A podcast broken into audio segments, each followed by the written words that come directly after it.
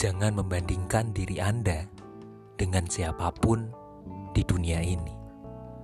Jika Anda melakukannya, Anda menghina diri sendiri.